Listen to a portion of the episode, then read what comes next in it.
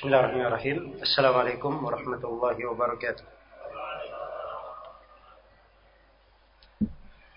الحمد لله رب العالمين حمدا كثيرا طيبا مباركا فيه كما يحب ربنا ويرضى أشهد أن لا إله إلا الله وحده لا شريك له شهادة أرجو بها النجاة يوم نلقاه وأشهد أن محمدا عبده ورسوله خليله ومصطفاه صلى الله عليه وعلى آله وصحبه ومن استنى بهداه إلى يوم الدين وسلم تسليما كثيرا أما بعد. kaum muslimin dan muslimat rahimani wa rahimakumullah pada sesi yang kedua ini tema pembahasan kita terkait dengan kiat-kiat meraih kebahagiaan berbicara tentang kebahagiaan as-sa'adah itu adalah dambaan setiap manusia yang hidup. Siapa saja yang hidup, dia mencari yang namanya kebahagiaan. Mencari apa yang disebut dengan nama keindahan hidup, ketenangan hidup. Itu adalah tabiat pada manusia. dan manusia di dalam kebahagiaan tersebut beraneka ragam pandangan dan upaya mereka di dalam mencari kebahagiaan. Ada yang memandang kebahagiaan itu dengan harta. Ada yang memandang kebahagiaannya dengan istri dan anak-anak. Ada yang memandang kebahagiaannya dengan pangkat dan kedudukan dan beraneka ragam. Cara manusia memandang kehidupan ini. Tidak diragukan bahwa sesuatu dari kehidupan dunia itu ada bentuk kebahagiaan seorang apabila dia mendapatkannya. Dia diragukan bahwa pada anak dan istri ada bentuk dari kebahagiaan. Pada sebagian dunia, kadang seorang bergembira dengannya. Tapi kalau kita berbicara tentang kebahagiaan yang hakiki, kebahagiaan yang sebenarnya, kebahagiaan yang selalu membawa kebaikan, maka itu adalah pembahasan kebahagiaan di dalam agama saja diketemukan. Hanya diketemukan di pembahasan ilmu syariat.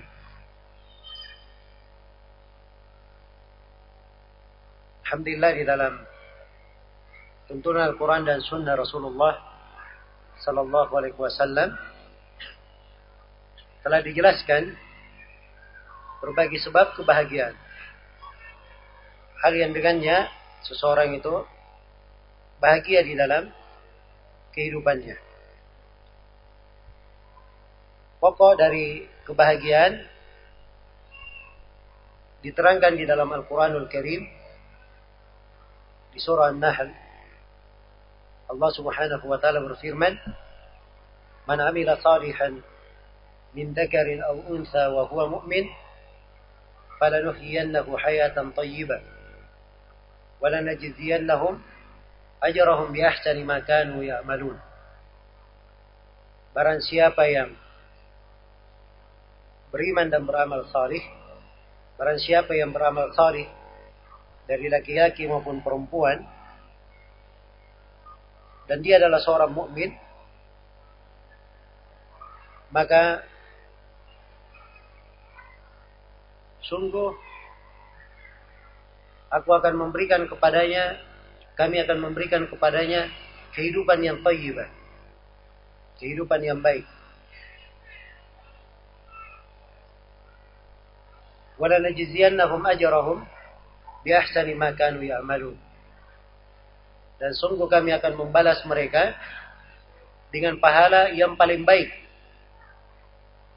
untuk apa yang mereka kerjakan. Maka di dalam ayat ini disebutkan dua sebab kebahagiaan. Man amila salihan min dzakarin aw unsa. Siapa yang beramal salih dari laki-laki maupun perempuan. Jadi ada amalan salih dari laki-laki maupun perempuan. Dari dalam agama ini laki-laki dan perempuan itu sama kedudukannya. Sama haknya di dalam mendekatkan dirinya kepada Allah Subhanahu wa taala dan di dalam meraih surga Allah Subhanahu wa taala. Iya. Tidak ada perbedaan dari sisi itu. Siapa saja yang beramal saleh dari laki-laki maupun perempuan, wahwa mu'min, dan dia adalah seorang mukmin maka ini syarat yang kedua dia adalah seorang mukmin syarat yang kedua ada keimanan. Dikatakan fala nuhyiyannahu hayatan thayyibah. Sungguh kami akan memberikan kepadanya kehidupan yang thayyibah kehidupan yang baik kehidupan yang indah kehidupan yang bahagia. Dan ini tentang keimanan dan amalan solih. Sudah kita singgung tadi. Dia juga adalah sebab keamanan dan ketentraman. Karena keimanan itu manfaatnya sangat besar sekali. Kebahagiaan dengan keimanan sangat luas sekali. Dengan keimanan itu, seorang hamba diberi oleh Allah Subhanahu wa taala cahaya. Dia mampu membedakan antara yang hak dan yang batil. Selalu diantar kepada petunjuk. Dijauhkan dari kegelapan. Allah berfirman, Allah waliyul ladina amanu yukhrijuhum minadh dhulumati ilan nur. Allah adalah wali orang-orang yang beriman mengeluarkan mereka dari kegelapan menuju kepada cahaya. Dikeluarkan dari kegelapan menuju ke mana? Kepada cahaya. Dikeluarkan dari kegelapan kejahilan, kegelapan dosa dan maksiat menuju kepada cahaya ilmu, cahaya ketaatan, hal yang mendekatkan kepada Allah Subhanahu wa taala. Keimanan ini siapa yang memilikinya maka Allah Subhanahu wa taala akan ampuni dari dosa-dosanya. Ya ayyuhalladzina amanu taqullaha wa aminu bi rasulih yu'tikum kiflayn min rahmati. wa yaj'al lakum nuran tamshuna bihi wa yaghfir lakum wallahu ghafurur rahim. Wahai orang-orang yang beriman, bertakwalah kepada Allah dan berimanlah kepada Rasulnya. Niscaya Allah akan memberikan kepada kalian dua bahagian dari rahmatnya. Kalian akan diberi cahaya, berjalan dengannya, dan akan diampuni dosa-dosa kalian. Sungguhnya Allah Maha Pengampun, lagi Maha Penyayang.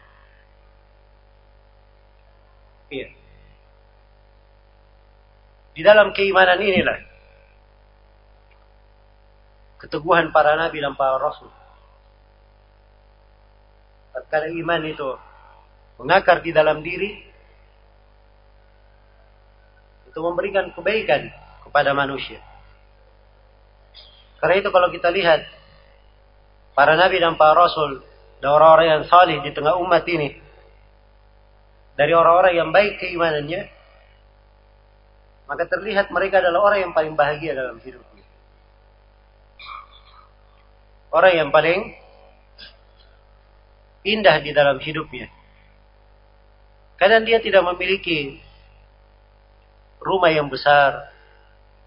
Bukan pula orang yang banyak harta. Bukan pula orang yang dipandang.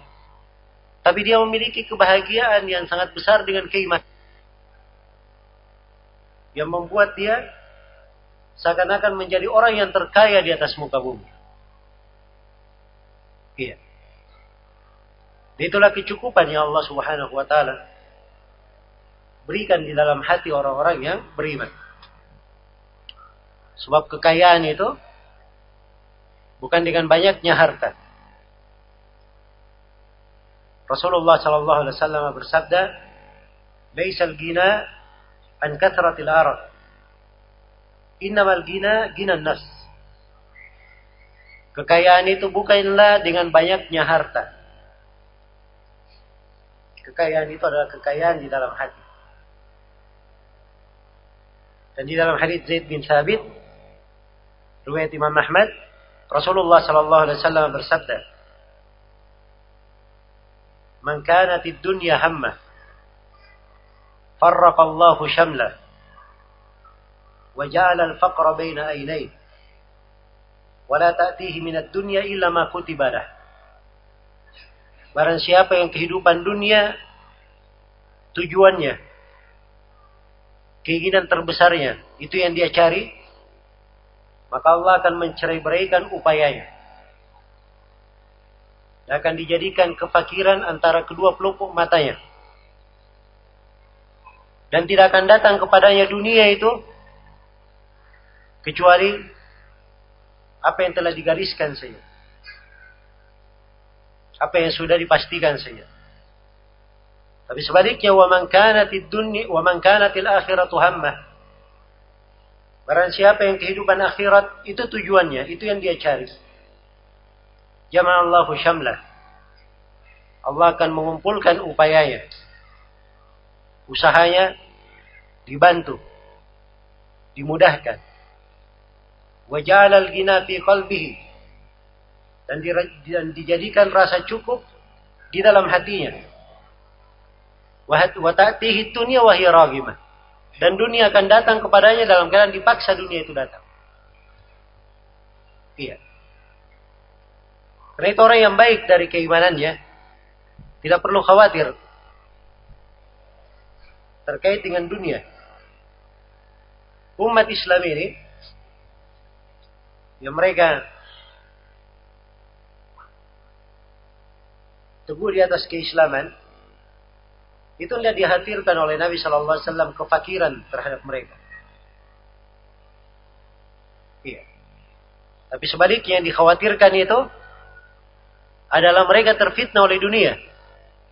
Kalau dunia itu pasti datang memfitnah dalam bentuk harta kah, dalam bentuk perempuan kah, dalam bentuk jabatan kah, dalam bentuk kedudukan kah, banyak bentuk dunia, fitnah dunia. Karena itu dalam hadis riwayat Bukhari dan Muslim, Rasulullah sallallahu alaihi wasallam bersabda, "Mal faqru akhsha alaikum." Bukanlah kefakiran yang aku khawatirkan atas kalian. Walakin akhsha an tubasata alaikum ad-dunya كما بسطت على الذين من قبلكم فتنافسوها كما تنافسوها فتهلككم كما أهلكتكم akan tetapi yang saya khawatirkan terhadap kalian dibukakan untuk kalian kehidupan dunia maka kalian pun berlomba-lomba dalam menggapai dunia itu sebagaimana orang-orang sebelum kalian telah dibukakan untuk mereka dunia dan mereka berlomba-lomba dalam menggapainya. Maka dunia ini pun dunia ini pun membinasakan kalian Sebagaimana orang-orang sebelum kalian dibinasakan oleh dunia. iya. Karena itu harus dipahami bahwa dunia itu adalah ujian. Jangan seorang menganggap kalau dia dapat dari dunia, itu seakan-akan dia dapat kehormatan dari Allah. Belum tentu. Ini persepsi yang keliru.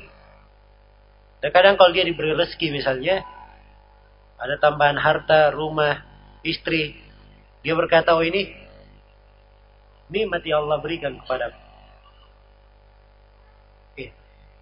Dia tidak tahu barangkali itu ujian dan cobaan untuknya. Karena itu harta diberi kepada semua makhluk. Kafir dan muslim semuanya diberi harta. Tapi keimanan tidak didapatkan kecuali siapa yang dicintai oleh Allah subhanahu wa ta'ala. Itu yang membedakan. Karena itu hendaknya kita bersyukur. Bergembira dengan keislaman kita. Bergembira dengan keimanan. Dan kita harus tahu bahwa itu adalah anugerah Allah yang sangat besar.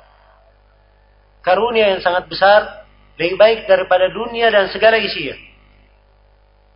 Sebagaimana firman Allah Subhanahu wa taala, "Qul bi fadlillahi wa bi rahmatih, fabidzalika falyafrahu huwa khairun mimma yajma'un."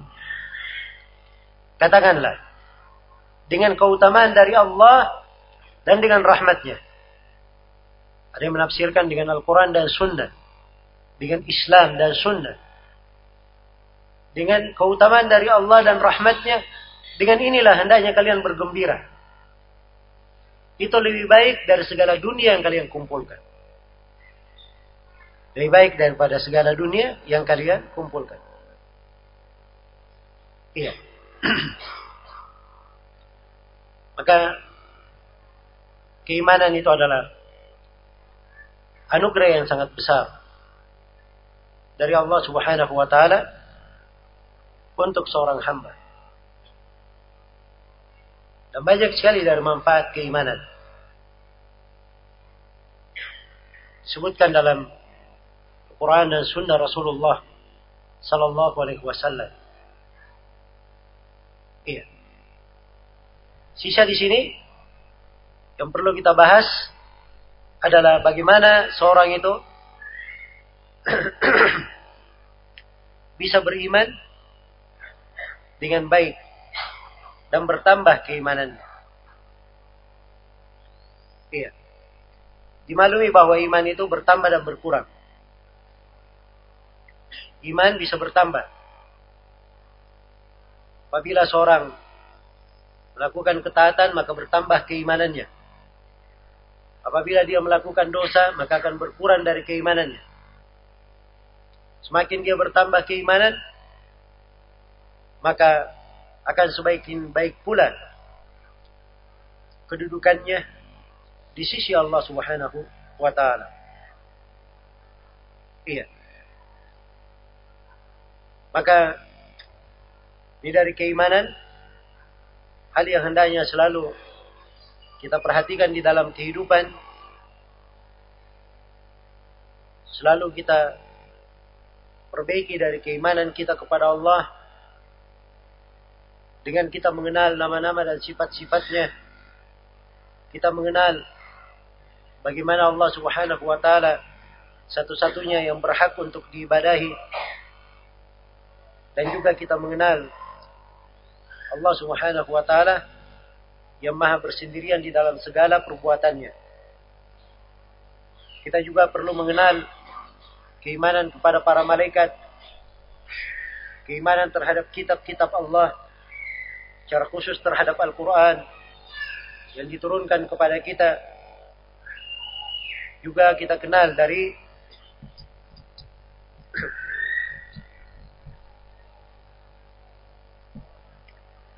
juga kita kenal dari keimanan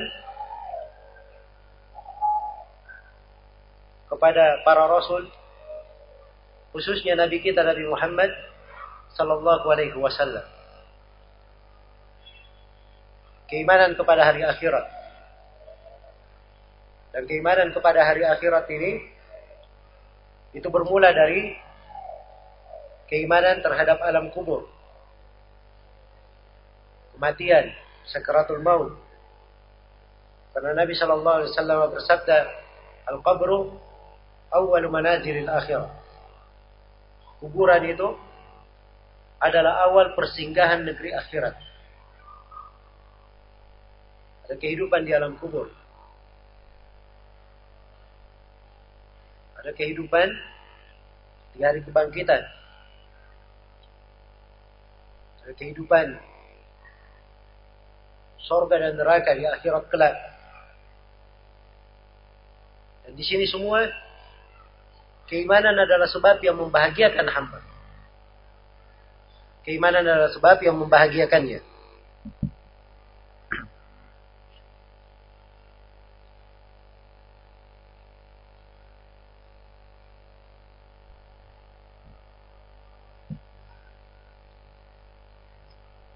Seorang ketiga sakaratul maut.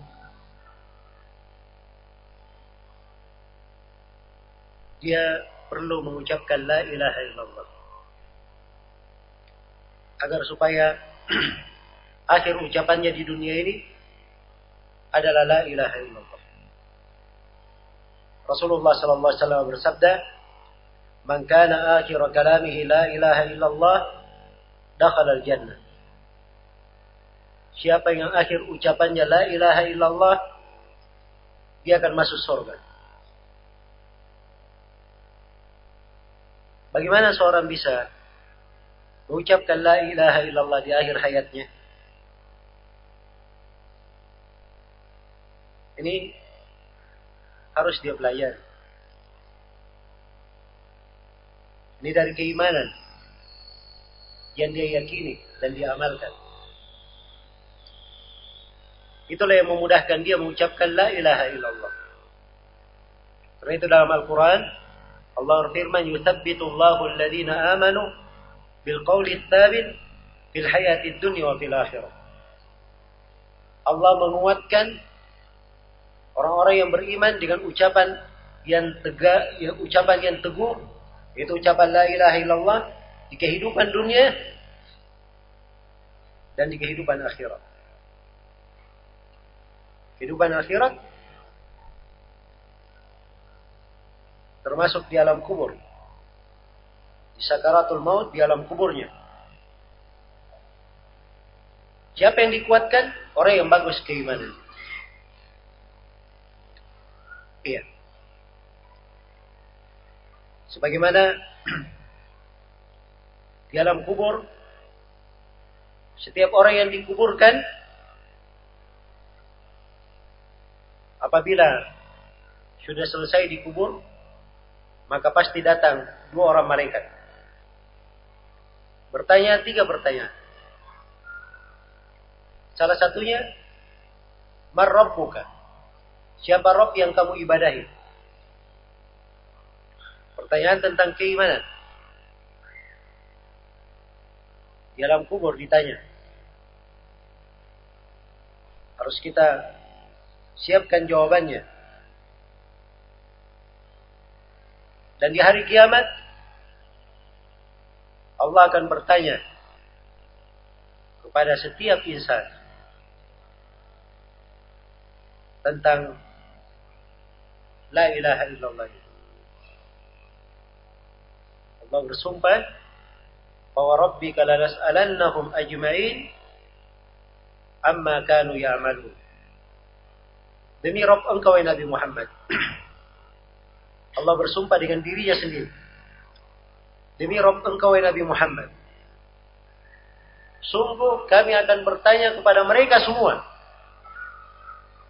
Tentang apa yang mereka kerjakan di dunia ini. Tentang apa yang mereka kerjakan ditafsirkan oleh Abu Aliyah. Yaitu tentang la ilaha illallah mereka. Akan ditanya dua hal amma kanu ya'budun apa yang mereka ibadahi wa bima ajabu al-mursalin dan bagaimana mereka menjawab dakwah para rasul. Dan ini dua pertanyaan benar ya penafsiran Abu Aliyah. Karena di surah Al-Qasas dirinci pertanyaan ini. Wa yawma yunadihim fayaqulu Aina syuraka'i alladhina kuntum tazhumun. Tatkala Allah memanggil manusia. Kemudian Allah berfirman. Di manakah sekutu-sekutu yang kalian persekutukan aku dengannya? Ditanya tentang kemurnian ibadah. Pertanyaan yang kedua disebut juga di dalam surah itu. Wa yawma yunadihim fayaqulu. Mada ajabatumul mursalin. Ketika Allah memanggil manusia. Lalu Allah berfirman. Bagaimana kalian menjawab para rasul? Bagaimana kalian menjawab para rasul? Iya. Jadi ini semuanya harus kita jawab. Itulah pengaruh keimanan. Seorang kalau baik imannya, maka dia akan mudah untuk menjawab pertanyaan-pertanyaan itu. Dan keimanan itu ada yang terkait dengan ucapan, ada yang terkait dengan amalan, ada yang terkait dengan hati. Ada yang terangkai dari tiga sekaligus. Iman bertambah dan berkurang. Inilah keimanan yang harusnya selalu kita jaga. Dan ini adalah sebab pokok dari keindahan hidup. Iman itu cabang-cabangnya banyak. Pada setiap cabangnya terdapat keindahan hidup untuk seorang hamba. Dalam keimanan.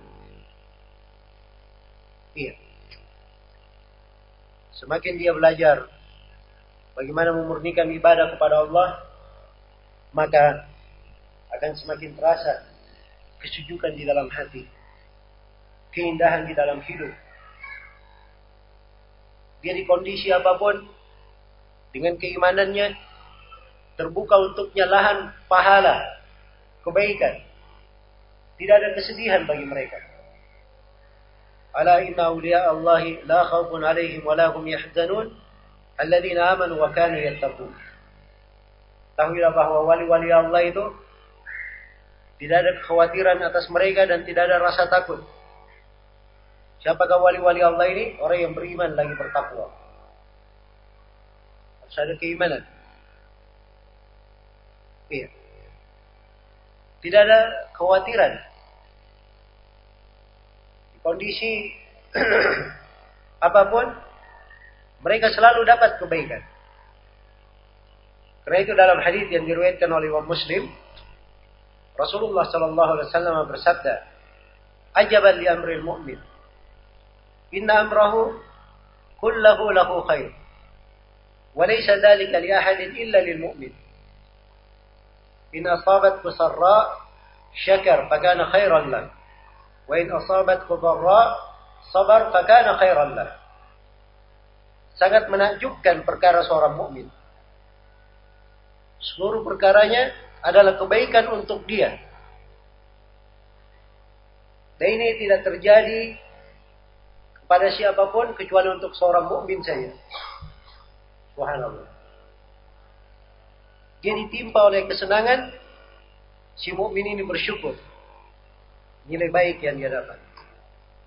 Dia ditimpa musibah, kesusahan, kesedihan, dia bersabar. Baik pula yang dia dapat, pahala kesabaran. Jadi segala keadaan, seorang mukmin itu bahagia hidupnya. Dia tatkala kekurangan, dia merasa cukup dengan hal yang sedikit. Dan itu adalah sumber keberuntungan. Karena itu Rasulullah sallallahu alaihi wasallam bersabda, "Qad aflaha man aslama wa rizqa kafafan wa qanna'ahu Allah bima ata." Telah beruntung orang yang berislam. Diberi rezeki dengan kafaf. Tahu rezeki kafaf?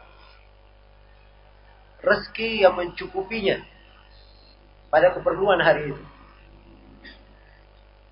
Iya. Dan ini rezeki yang paling indah.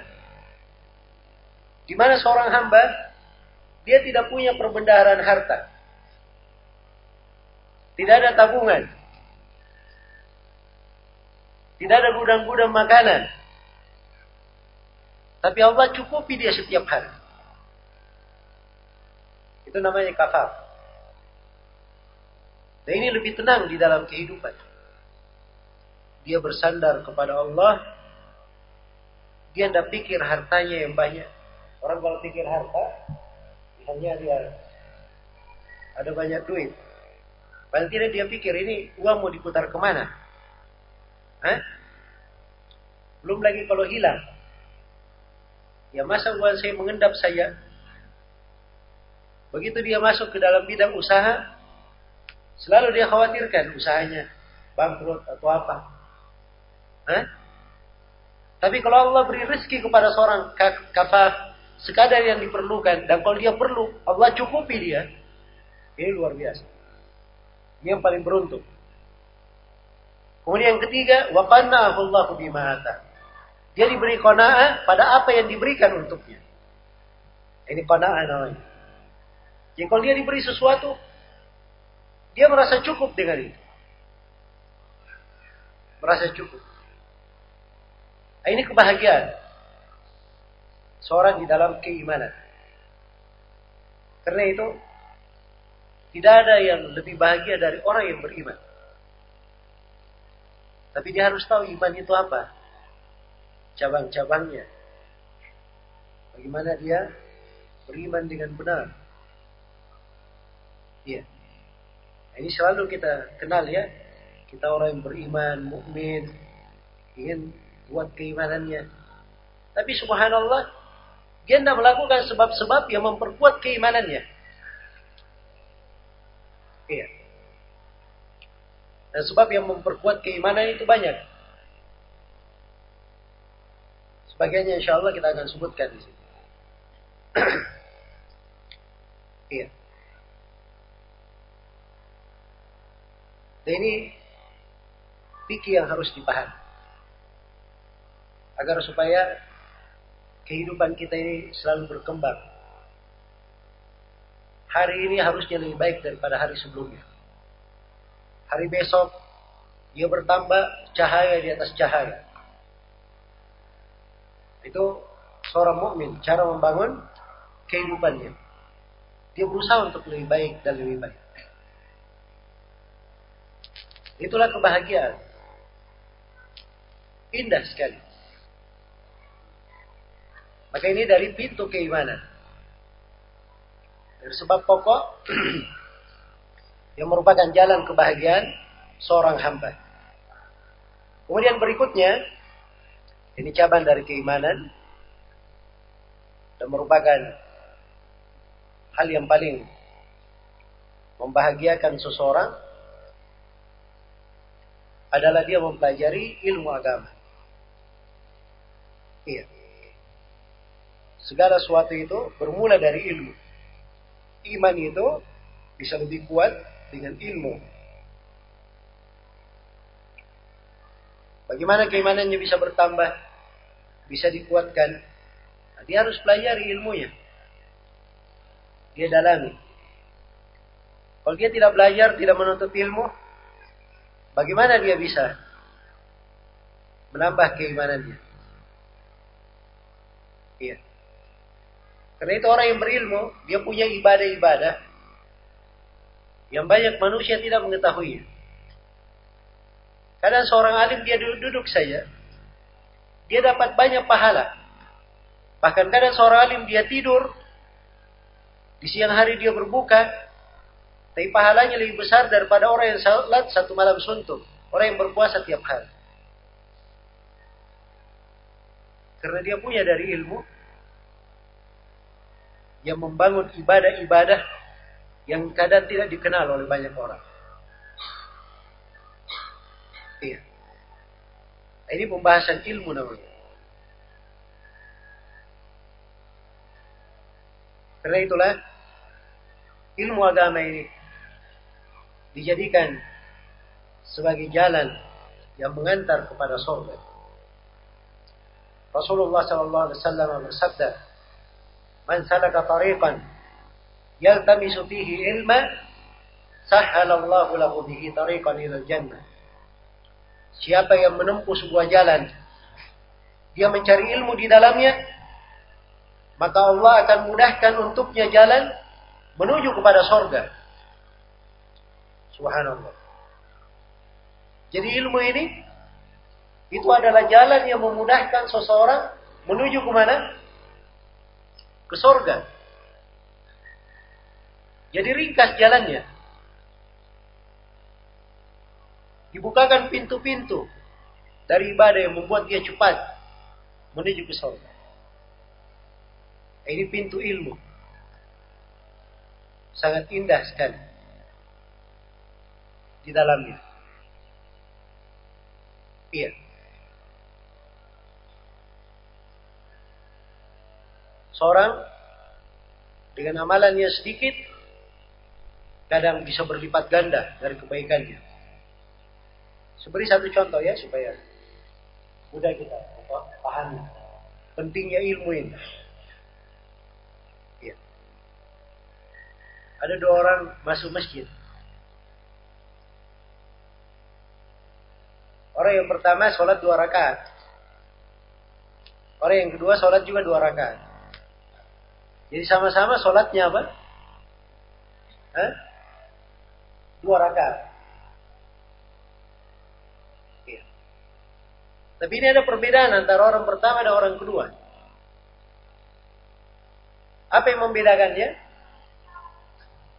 Orang yang pertama dia sholat dua rakaat dengan satu niat saja. Niatnya sholat tahiyatul masjid. Orang yang kedua, tadi dia baru beruduk. Dia masuk masjid sebelum duhur. Maka dia masuk, dia niatkan sholatnya dua rakaat, tiga niat. Niat tahiyatul masjid satu, niat dua rakaat sebelum duhur dua, niat dua rakaat sholat sunnah setelah wudhu. Dengan dua rakaat tiga niatnya. Berarti dia melakukan tiga ibadah. Iya. Perhatikan ya secara lahir, sama-sama sholat. Tapi beda dari sisi pahala dan kedudukan, karena orang yang kedua dia punya pengetahuan lebih banyak. Punya pikir. Dia mengerti bahwa tiga ibadah bisa digabung dalam satu niat. Pada hal yang semisal ini. Ini ilmu namanya. Kalau dia tidak paham ini, maka dia sudah luput banyak dari apa? Banyak dari kebaikan. Padahal dia cukup meniatkan saja. Hah? Cukup meniatkan. Orang yang berinfak disebut dalam Al-Quran. Mathalul ladhina yunfikuna amwalahum fi sabilillah. Kamathali habbatin ambatat sab'a sanabil. Fi kulli sumbulatin mi'atu habbah. Perumpamaan orang yang berinfak di jalan Allah. Bagikan orang yang menanam satu benih. Dari satu benih ini tumbuh tujuh tangkai. Dari setiap tangkainya keluar seratus benih. Jadi dia tanam satu benih, dia panen berapa? Hah? 700 benih. Wallahu yudhaifu liman yasha. Dan Allah melipat gandakan bagi siapa yang dia kehendaki. Masih ada lagi yang dilipat gandakan. Di dalam hadis disebutkan al-hasanatu bi asyri amsalihah ila sab'imi'ati dhi'fin. Satu kebaikan itu dibalas 10 kali lipat sampai 700 kali lipat. Apa yang membedakan? Pahala. Kapan seorang dapat 10, dapat 100, 200, 700? Kadang kapan dilipat gandakan lagi? Ini ilmu pengetahuan mewarnai. Kalau dia di dalam amalannya, dia kenal pintu ikhlas. Itu satu lahan menambah pahala. Dia di dalam amalannya, dia kenal pintu as kejujuran dan ketulusan. Ini memperbesar pahala lagi. Dia di dalam amalannya tersebut dihadirkan dari pintu ihsan. Di lahan pahala lagi. Jadi sebagai banyak pintu-pintu ibadah yang dihadirkan bisa semakin besar pahala dia di dalam amalan tersebut. Dan ini membuat amalan berlipat ganda. Dasarnya adalah ilmu pengetahuan. Karena itu orang-orang yang berilmu, terlihat mereka keadaan santai. Pada sebagian hal ibadah biasanya apa namanya datar saja. Tapi mereka sesuai dengan sunnah ini yang membuat amalannya lebih apa? Lebih besar. Itu kaum khawarij. Orang-orang khawarij. Ini para pemberontak ya kaum khawarij. Mereka memikiri, memiliki pemikiran sesat. Mengajarkan kaum muslimin. Mereka ini yang diperangi oleh Ali bin Abi Thalib. Nabi SAW ketika menyebut kaum khawarij, mereka beliau berkata kepada para sahabat tahkiruna salatakum ma salatihi siyamakum ma siyamihi. Kalian wahai para sahabat akan meremehkan solat kalian di depan solat mereka. Kalian akan meremehkan puasa kalian di depan puasa mereka. Jadi orang Khawarij ini sholat dan puasanya luar biasa. Sampai kalau dilihat oleh para sahabat, para sahabat bisa menganggap amalan mereka tidak ada apa-apanya. Tapi apa kedudukan kaum Khawarij ini? Kata Nabi, yang minat din, karena yang merukusahmu minar ramiyah. Kaum Khawarij ini keluar dari agama seperti busur menembus sasaran. Coba bayangkan. Kelompok menyimpang, tapi hebat dalam puasa dan sholatnya. Itu penampilan zahir saya. Jadi kaum khawarij ini ketika dikunjungi oleh Ibnu Abbas di kampung mereka, terlihat di dahinya, di tangannya, lututnya, itu kepalan-kepalan hitam. Dahinya apa namanya bekas yang sangat hitam. Seperti yang berada di kaki-kaki hewan itu saking banyaknya dia duduk. Ini saking banyaknya mereka sujud dan kaum khawarid ini di pipi-pipinya itu garis-garis hitam saking banyaknya mereka menangis saking banyaknya mereka menangis tapi mereka ini dikatakan oleh Nabi keluar dari agama seperti Panah menembus apa? Sasarannya. Mereka baca Al-Quran, tidak lewat di tenggorokan mereka, tidak masuk ke hati. Ini beda jalannya mereka. Ya, karena itu jangan melihat ibadah itu dengan banyaknya, dengan kuantitas. Ibadah itu dilihat dengan kualitasnya. Itu pokok. Ya. Karena itu jalannya para sahabat Rasulullah Sallallahu Alaihi Wasallam seperti yang dikatakan oleh seorang penyair, Mali bimithli sayrikal mudallali tamshi ruwaidan wa tajifil awwali. Bagaimana saya bisa mendapatkan gaya berjalanmu yang bagus itu? Engkau jalannya pelan-pelan santai, tapi finishnya paling dahulu. Orang yang berilmu itu para sahabat, orang-orang yang berilmu itu ibaratnya Orang yang berjalan ya, kita berjalan sama-sama. Jadi startnya, para sahabat santai jalannya. Tapi begitu garis finish, mereka sudah ada di depan. Sudah ada di depan. Ini jalan beragama mereka. Dan ini jalan disertai dengan ilmu. Karena itulah harus selalu kita tanamkan dalam diri kita kewajiban mempelajari ilmu agama. Kewajiban mempelajari ilmu agama. Seorang kalau ingin ditinggikan derajatnya oleh Allah, itu caranya dengan dia menuntut ilmu agama. Karena Allah berfirman, "Yarfa'illahu alladhina amanu minkum walladhina utul ilma darajat."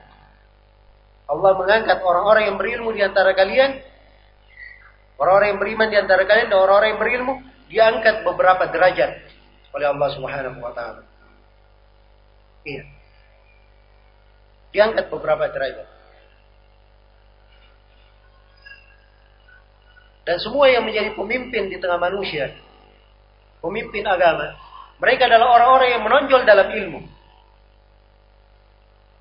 Menonjol dalam ilmu. Itulah kebahagiaan yang paling besar. atau bin Abi Rabah rahimahullah salah seorang imam tabi'in beliau ini adalah seorang yang sangat hitam buruk rupanya dulunya bekas budak tapi raja-raja dan anak-anak raja berada di kakinya belajar seperti anak-anak kecil Karena apa? Bin Abi Rabah punya ilmu. Orang-orang perlu kepadanya dan dia tidak perlu kepada manusia. Maka sebagian raja yang hadir berkata kepada anaknya, Wahai anakku, kamu belajar baik-baik. Jangan sampai kita dihinakan lagi di bawah budak ini.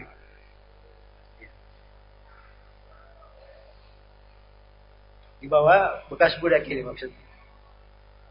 Mereka harus belajar dan cara belajar harus duduk di guru. Dia harus datang ke guru. Karena itu Imam Malik rahimahullah, beliau duduk mengajar di rumahnya. Orang-orang datang kepadanya. Mau gubernur, mau khalifah, semuanya datang ke rumah Imam Malik. Dan beliau selalu berkata, ilmu yu'ta wa la ya'ti. Ilmu itu didatangi. Tidak datang kepada dia. Kalau mau ilmu datang ke sini. Dan ini yang mengangkat dan meninggikan derajat mereka. Karena itulah siapa yang ingin ditinggikan derajatnya belajar saja. Belajar. Dia bagus di satu bidang ilmu itu luar biasa dari kebaikan yang dia miliki. Iya. Pernah di dalam ini kisah benar ya, sahih. Sebutkan di dalam buku biografi, ada seorang guru, seorang syekh, beliau ini dari penduduk Mekah. Saya tidak hadirkan sekarang namanya. Beliau dari penduduk Mekah. Maka suatu hari syekh ini, dia menemukan sebuah kantong yang berisi mutiara-mutiara, yang berisi kalung, dan kalung ini ada mutiara-mutiara yang sangat mahal sekali nilainya. Sangat mahal sekali nilainya.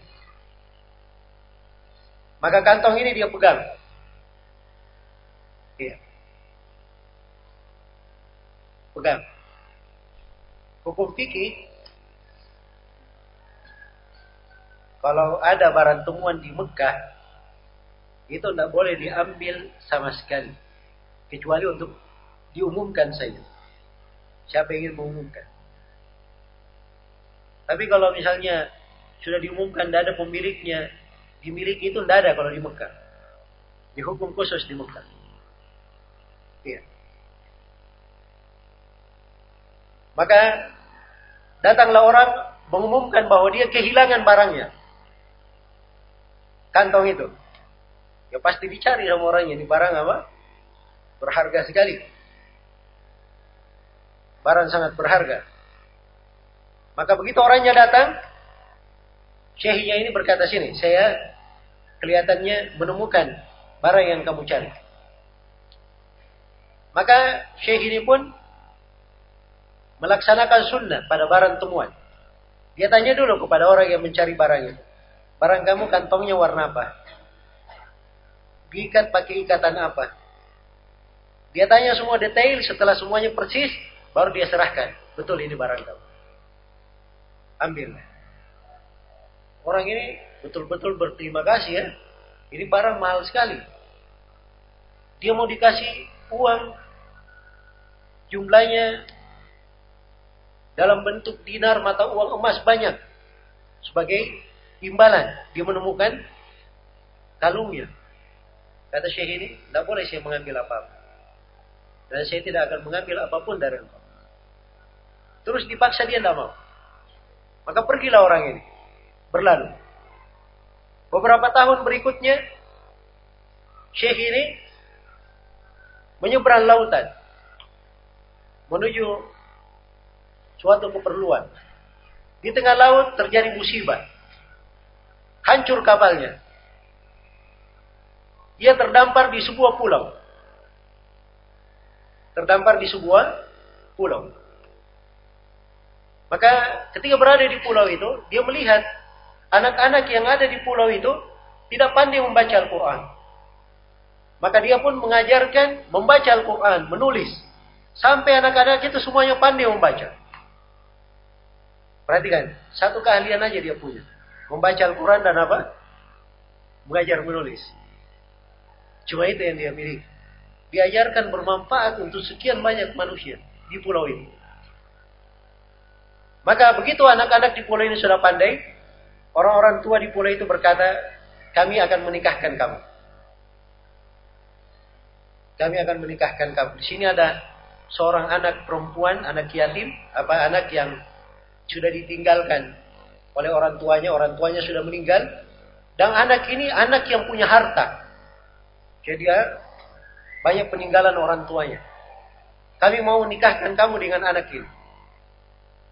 Ya, kata Syekh ini, ya tidak ada masalah. Maka ia pun menikah dengan anak tersebut. Di hari pertama pernikahannya, anak ini, anak perempuan ini, memakai kalung yang dia ketemukan di Mekah. Dia pakai kalung yang dia ketemukan di Mekah, kalung yang sangat mahal itu.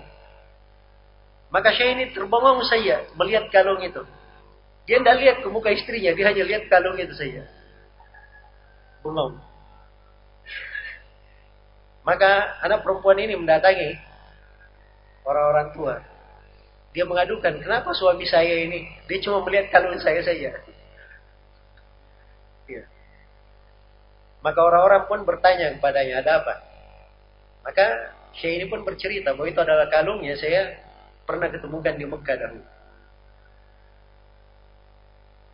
Maka subhanallah, ributlah orang-orang satu pulau. Bertakbir. Maka sekarang syekhnya yang kembali menjadi heran. Ada apa dengan kalian? Ya.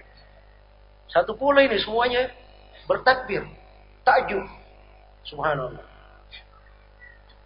Maka penduduk pulau berkata, anak anak perempuan ini, ayah anak perempuan ini, begitu dia kembali ke Mekah, apa kembali dari Mekah, dia bercerita kisahnya. Bahwa kalau saya ini hilang, diketemukan oleh orang yang sangat amanah. Dia begini-begini. Saya berdoa kepada Allah, ya Allah nikahkanlah orang itu dengan putriku. Subhanallah. Akhirnya setelah menikah, dianugerahi dua orang anak. Allah menakdirkan istrinya meninggal, dua anaknya juga meninggal, dan kalung itu murni menjadi miliknya. Iya. Perhatikan ya. Pengaruh dari iman, dari takwa, pengaruh dari kejujuran, ilmu yang dipelajari, itu selalu membawa kebahagiaan dalam hidup. Cepat atau lambat, dekat maupun panjang, tapi pasti akan membawa kebaikan. Kadang dirasakan saat ini, kadang di masa mendatang. Ilmu itu seperti itu. Ada sebagian ilmu dipelajari, mungkin manfaatnya belum dirasa sekarang ini. Besok lusa baru terasa. Iya. Abu Bakar radhiyallahu taala beliau mendengar hadis dari Nabi. Waktu itu Al Hasan masih kecil di pangkuan Nabi. Nabi berucap tentang Al Hasan, Inna ibni hada sayyid lallahu yuslih baina ta'ifataini azimataini azimataini minal mu'minin. Sungguhnya putraku ini adalah seorang pemimpin. Dia nanti akan mendamaikan dua kelompok besar dari kaum mukminin yang bertikai. Jadi setelah puluhan tahun meninggal Ali bin Abi Thalib di masa pemerintahan Muawiyah Al Hasan. Ya. Dan Muawiyah ada permasalahan. Dua-duanya punya kubu yang besar. Ya. Maka datanglah Abu Bakrah yang menghafal hadis ini. Dia sampaikan kepada Al Hasan, "Wahai Al Hasan, saya dengar dari Nabi Shallallahu Alaihi Wasallam berucap tentang kamu dan kamu waktu itu masih kecil. Dia belum paham apa yang diucapkan oleh Nabi. Maka Abu Bakar pun ulangi hadisnya. Inna ibni hada sayyid la lahu yuslih baina ta'ifataini 'azimataini minal mu'minin. Sungguhnya anakku ini adalah pemimpin. dia nanti akan mendamaikan dua kelompok besar dari kaum mukminin yang berpikir. Mendengar hadis ini, Al Hasan pun segera memahami apa kewajibannya. Urusan kepemimpinan dia serahkan semuanya ke Muawiyah. Maka terhindarlah kaum muslimin dari pertumpahan darah, dari peperangan. 30 tahun setelahnya pemerintahan Muawiyah itu disebut sebagai tahun-tahun persatuan. 30 tahun. Ini semuanya gara-gara satu hadis yang dihafal oleh siapa? Abu Bakar radhiyallahu anhu. Satu dari ilmu. Luar biasa. Berbagai kebaikan untuk manusia. Berbagai kebaikan untuk manusia. Bagaimana pula kalau dia belajar ilmu-ilmu yang lainnya? Ilmu agama itu luas sekali. Banyak cabangnya. Apa saja dari permasalahan manusia ada penjelasannya dalam ilmu agama. Maka kita kalau ingin kebaikan untuk negeri kita, ingin kebahagiaan dalam hidup kita, didik saja anak-anak belajar ilmu agama. Tidak perlu khawatir akan dunia mereka. Dunianya itu selalu ditanggung oleh Allah untuk orang yang berilmu. Tidak perlu dia khawatirkan. Orang yang berilmu itu tidak pernah kurang dari sisi dunia. Yang bahaya terhadap orang yang berilmu malah dikhawatirkan terfitnah oleh dunia. Iya. Karena itu mempelajari dari ilmu agama ini keindahan yang sangat baik. Ini sumber kebahagiaan. Kemudian dari kebahagiaan untuk seorang hamba adalah dari jalan kebahagiaannya adalah dia selalu istiqamah di atas agama. Teguh di atas tuntunan. Allah Subhanahu wa taala berfirman, "Wa law istaqamu 'ala tariqah la asqainahum ma'an ghadaqa.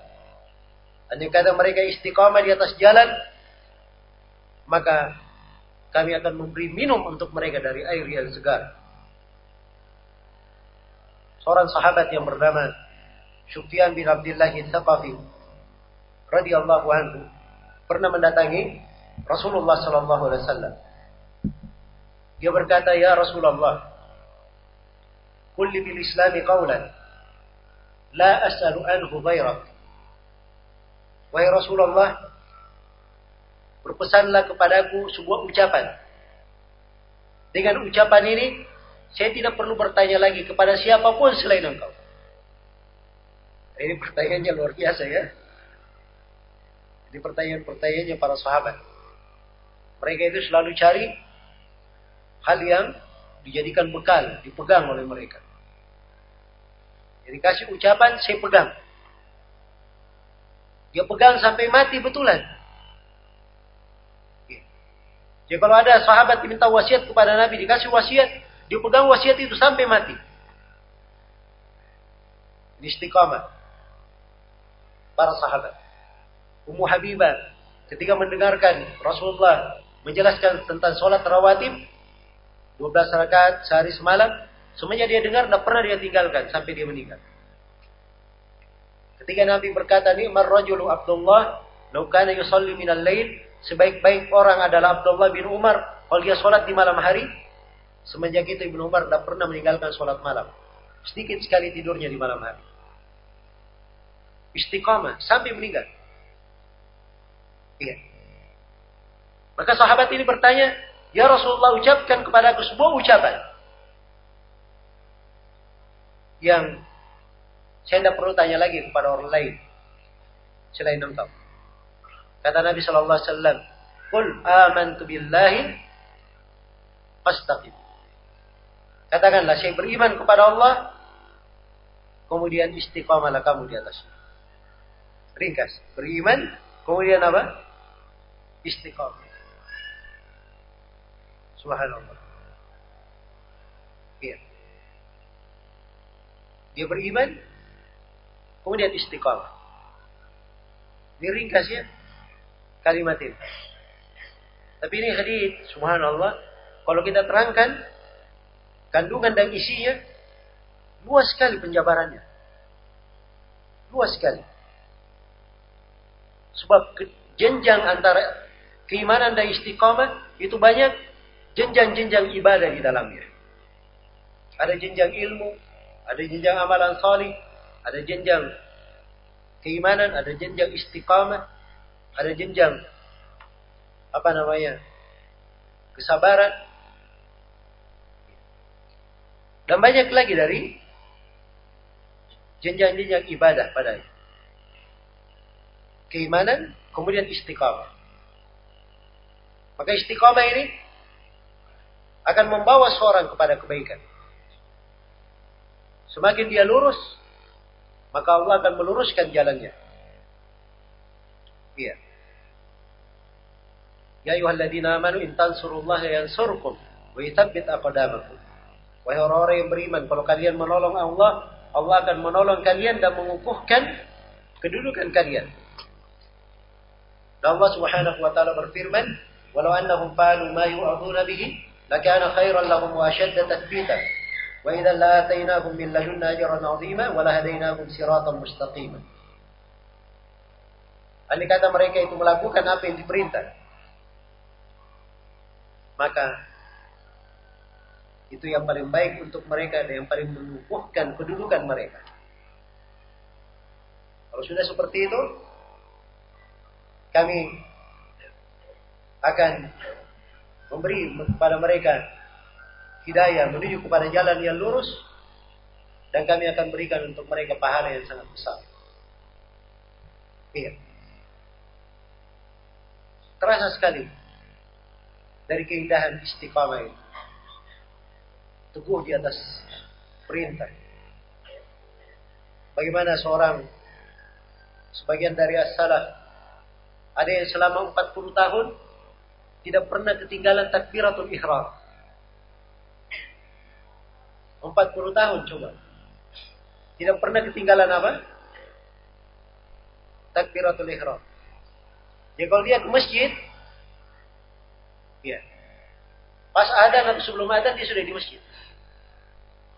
Jadi begitu imam takbiratul ihram dia selalu sudah ada di situ. 40 tahun tidak pernah ketinggalan. Ini istiqomah atau tidak? Hah? Ini jalan istiqomah. Kita tidak usah 40 tahun ya. 40 hari saja dulu. Ya. Karena Nabi Shallallahu Alaihi Wasallam bersabda, "Man adraka takbirat al-ihram arba'ina laylan kutibat lahu bara'atan bara'atun minan nar wa bara'atun minan nifaq." Barang siapa yang mendapati takbiratul ihram selama 40 malam, maksudnya 40 hari 40 malam bersama imam, tidak pernah luput 40 hari 40 malam, maka akan ditulis untuknya dua pembebasan. Dia bebas dari api neraka dan bebas dari kemunafikan. Tidak usah 40 tahun. 40 hari aja dulu. Iya. Ini mau datang bulan Ramadan. Sekarang jadikan sebagai ujian pertama. Bulan Ramadan ini. Dari 40 hari, 30 hari pertama kita habiskan di bulan Ramadan jangan luput takbiratul ihram.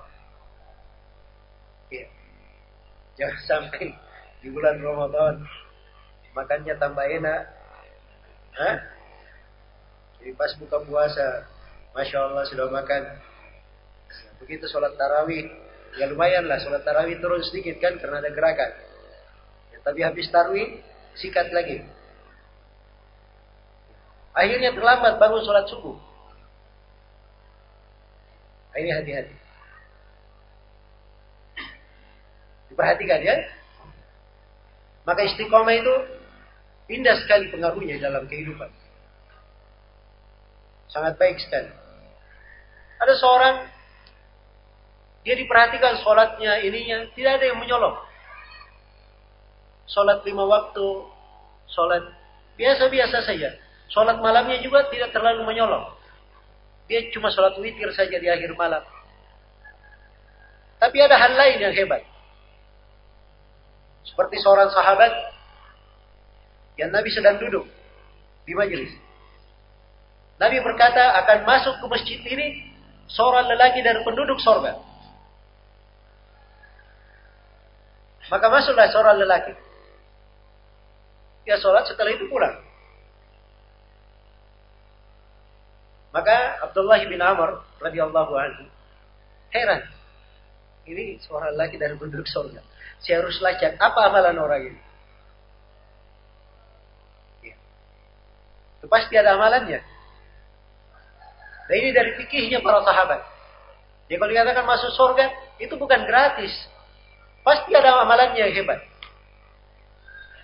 Beda dengan kita sekarang ini ya, mau instan saja. Kayak Indomie begitu cepat saji. Ya. Jadi gampang dikelabui. Kalau ada nawari siapa yang beli air ini, dia akan menjadi berkah banyak rezekinya. Nah, itu yang lari sekarang yang kayak gitu. Iya. Lari. Siapa yang didoakan oleh Habib ini, dia masuk surga. Hah? Siapa yang didoakan oleh keturunan Nabi, maka dia begini. Semuanya dari hal-hal yang membuat orang keluar dari tuntunan. Agama ini itu selalu menunjukkan bahwa sorga itu dengan amalan.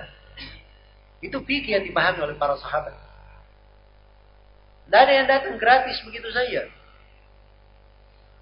Ada harus amalan yang diandalkan untuk hal itu. Jadi ketika seorang sahabat yang bernama Rabi'ah bin Ka'ab al-Aslami, ini pelayan Nabi juga ya, sama dengan Anas bin Malik pelayan Nabi. Tapi kalau Anas bin Malik, Masya Allah ya, dia melayani Nabi berapa tahun? Sembilan tahun. Jadi ibu Anas bin Malik ini seorang ibu yang cerdas. Dia lihat Rasulullah SAW perlu pelayan. Dia bawa anaknya ke situ. Dia berkata, ya Rasulullah ini Anas bin Malik. Biarkan dia melayani kamu. Maka Anas bin Malik pun melayani Nabi Sembilan tahun. Jadilah Anas bin Malik orang yang paling banyak ilmunya. Di antara orang yang paling banyak ilmunya. Di antara tujuh sahabat yang paling banyak meriwayatkan hadis, iya. Urutan yang pertama adalah Anas bin Malik. Uh, urutan yang pertama, uh, apa urutan yang ketiga adalah Anas bin Malik radhiyallahu anhu. Urutan ketiga. Dan di antara kebaikannya, Nabi doakan Anas bin Malik Ya Allah perbanyaklah anaknya dan hartanya. Anas bin Malik jadi orang yang paling banyak anaknya, paling banyak hartanya. Istrinya empat, tidak bisa lebih ya. Tapi anaknya lebih seratus, Anas bin Malik. Ya. Anaknya lebih seratus. Hartanya tidak terhitung banyaknya. Orang Al-Ansor yang paling banyak hartanya. Perhatikan ibu, seorang ibu yang cerdas untuk kebaikan anaknya. Dia tidak lihat, oh masa anak saya jadi pelayan. Ya, membantu Nabi saya. Tapi dia melihat dari sisi ilmu. Ya, kalau dia bersama Nabi pasti dia dapat ilmu. Dapat kebaikan. Nah, jadi Rabi'ah bin uh, Ka'ab al-Aslami dia juga pelayan Nabi. Dia pelayan Nabi. Rabi'ah bin Ka'ab ini Suatu hari dia melayani Nabi. Setelah Nabi dilayani, Nabi berkata kepadanya, Sal, mintalah. Minta apa saja. Maksudnya minta apa saja, nanti saya doa kepada Allah supaya dikabulkan untukmu. Ini peluang atau bukan ini? Hah? Kalau ada di antara jemaah yang seperti itu, kira-kira apa yang diminta? Nah, ini Lihat ya kita lihat fikihnya para sahabat. Supaya kita tahu apa yang mereka pikirkan. Kata Rabi'ah ya Rasulullah, as'aluka murafaqataka fil jannah. Ya Rasulullah, saya meminta kepadamu supaya kamu mohon kepada Allah, saya menemani kamu di surga. Subhanallah. Ada permintaan lebih bagus daripada itu? Hah? Sekarang kalau seorang menemani Nabi di sorga, di mana tempatnya? Hah? Di sorga juga. Sorga di mana?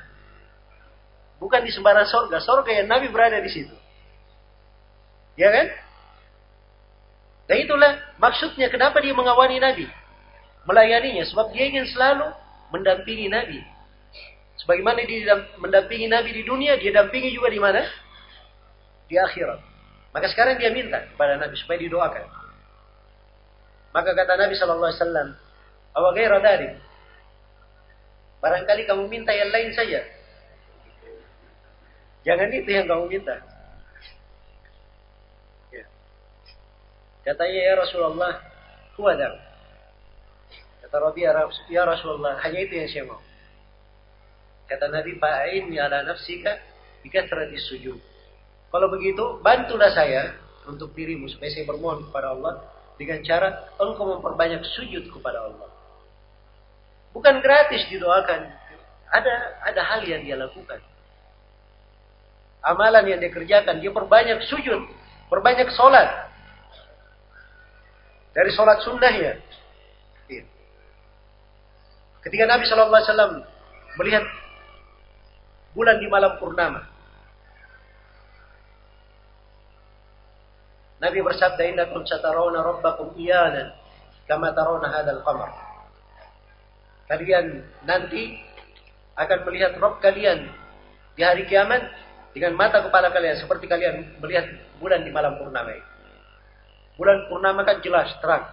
Begitu pula kalian melihat Allah pada hari kiamat jelas dan terang. Begitu saja. Semuanya bisa melihat begitu. Nabi berikan tuntunan untuk bisa melihat Allah. Fa'in istata'tum an la tughlabu ala salatin qabla tulu'i syamsi wa qabla ghurubiha faf'alu. Kalau kalian mampu untuk tidak terkalahkan, jangan tertinggal sholat sebelum matahari terbenam dan sebelum matahari terbit, yaitu sholat subuh dan sholat asar. Kalian mampu menjaga dua sholat ini, jagalah dengan baik. Ditunjukkan amalan untuk sampai ke sana. Iya. Jadi sekali lagi bahwa di dalam agama ini ketika seorang yang istiqamah dia ingin masuk ke dalam surga itu harus dengan amalan. Itulah keindahan hidupnya. Itu yang dia jaga hingga dia mati. Dia pelihara. Dia istiqamah di atasnya. Iya. Maka ini dari mana-mana dan pokok-pokok keindahan hidup yang bisa diterangkan pada pertemuan kita di kali hari ini. Kayaknya waktunya sudah berlalu 13 menit ya berlalu. Dan sekarang harus ada waktu tanya jawab. Karena eh, pertemuan ini hanya sampai adzan sholat asar saja.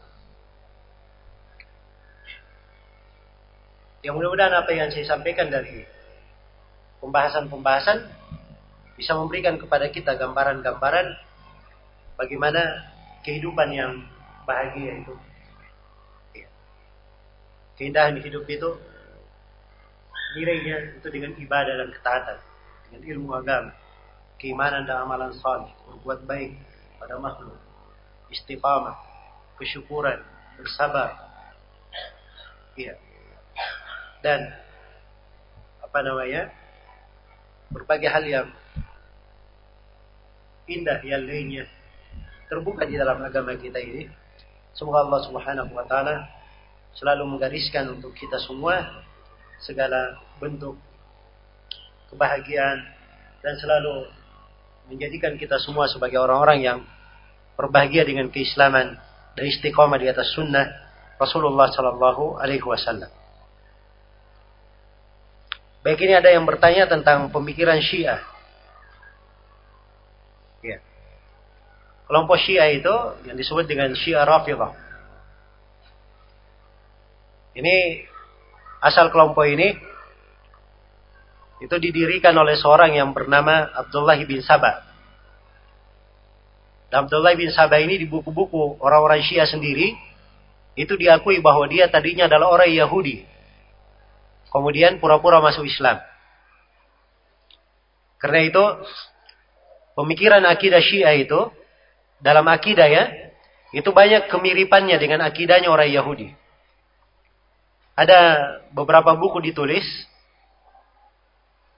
dia memperbandingkan buku-buku asli orang Syiah dan buku-buku aslinya orang Yahudi, rujukan antara kedua madhab.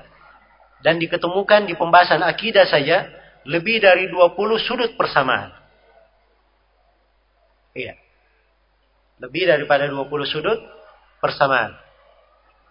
Ini bisa dibaca ada buku judulnya Badlul Majhud di Musyahabahati Ar-Rafidhah bil Yahud. Itu bagus sekali buku ini. Sebab ini bukti otentik dari buku-buku mereka sendiri. Ya, tidak ada yang keluar darinya. Hanya saja orang Syiah ini pintar ya. Sekarang Syiah ini, Syiah Rafidah ini berada di Iran. Orang Iran itu Syiah Rafidah. Ya, dia menjadi sebab munculnya berbagai masalah di dunia ini, terorisme, peperangan, pemberontakan itu dalangnya orang-orang Syiah. Apa yang terjadi di Yaman, di Suria, di Mesir, ya, di Filistin, dan sebagainya itu semuanya orang Syiah punya andil di dalamnya. Karena itu negara-negara yang paham bahaya Syiah, ini mereka melarangnya untuk masuk ke negerinya. Seperti Malaysia misalnya itu dilarang ya, Syiah masuk di situ. Supaya mereka tahu bahaya kelompok Syiah ini. Baik. Dan yang repotnya kelompok Syiah ini di buku-buku mereka keyakinannya orang yang bukan Syiah itu halal darahnya. Boleh dirampas istri, anak-anaknya dan hartanya. Orang yang bukan Syiah itu lebih najis daripada babi, lebih buruk dari kera, anjing dan sebagainya. Itu ada di buku-buku mereka. Hitam di atas putih. Ya. Karena itu kalau di di Suria, Bashar Hasad membunuh manusia seperti itu, dan Bashar Hasad ini orang Syiah Nuseria ya. Salah satu Syiah ekstrim. Ya kalau dia membunuh kaum muslimin seperti itu itu wajar. Karena memang buku-buku mereka, agama mereka seperti itu. Ya kalau di Indonesia ini mereka masuk. Masuknya dari intelektual, nikah mut'ah, dikasih ada anak muda bahan nikah. Hah? Dengan alasan cinta kepada Ahlul Bait. Padahal mereka adalah orang yang paling dusta. Cinta kepada Ahlul Bait. Semua istri Nabi mereka anggap kafir. Padahal istri Nabi adalah Ahlul Bait. Semua keturunan Ali bin Abi Thalib itu adalah kafir kecuali imam 12 mereka. Iya. Padahal anak Ali bin Abi Thalib itu banyak. Bukan cuma Hasan dan Husain saja. Anaknya Ali bin Abi Thalib. Ada anak-anak yang lain. Dan juga orang-orang yang salih. Tapi itu dikafirkan oleh orang Syiah. Jadi kalau dia betul Ahlul Bait, cinta Ahlul Bait, maka seluruh harusnya keturunan Ali bin Abi Thalib dihormati. Sini ada yang bertanya Abu Abu Abdullah Ja'far as Ja'far as-Saduq dan ayahnya Al-Bakir, bukan As-Saduq ya As-Sadiq, Ja'far As-Sadiq. Ya, dua orang ini adalah dua imam Ahlul Bait dan dari ulama ahli sunnah yang salih cuma di Gunakan namanya orang-orang Syiah. Ya kalau banyak riwayat-riwayat mereka di buku Syiah, itu hanya kedustaannya orang Syiah saja. Ya orang Syiah itu sanat-sanatnya terputus. Tidak bersambung dari mana dia menyandarkan.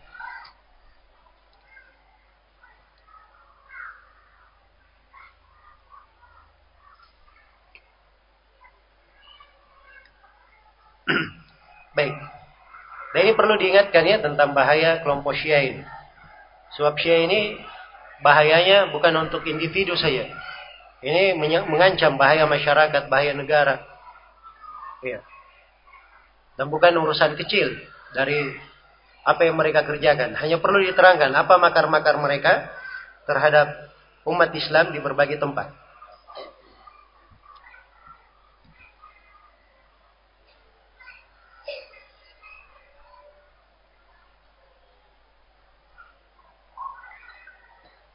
Bagaimana hukum tentang perhitungan atau penentuan hari baik atau tidak baik dalam melaksanakan sebuah kegiatan seperti nikah, mendirikan rumah, bepergian keluar daerah dan lain-lain.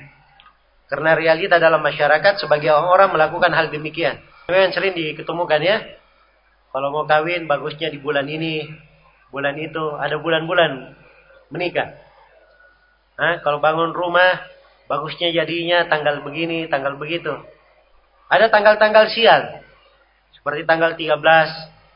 Hah? Ya. Sehingga saya sendiri itu belum pernah dapat ada hotel ada lantai 13-nya. Itu selalu lompat 12 langsung 14. Ya. Langsung 14. Dan ini semuanya adalah keyakinan-keyakinan yang keliru. Iya. Itu bisa masuk ke dalam syirik asgar. Masuk kepada syirik kecil. Sebab datangnya kebaikan, sebab datangnya kesialan, itu harus pada hal yang ditentukan oleh Allah dan Rasulnya. Atau pada hal yang dia ada hubungan sebab akibat secara kenyataan. Misalnya mikrofon ini. Kalau saya berbicara terdengar suara, kan begitu.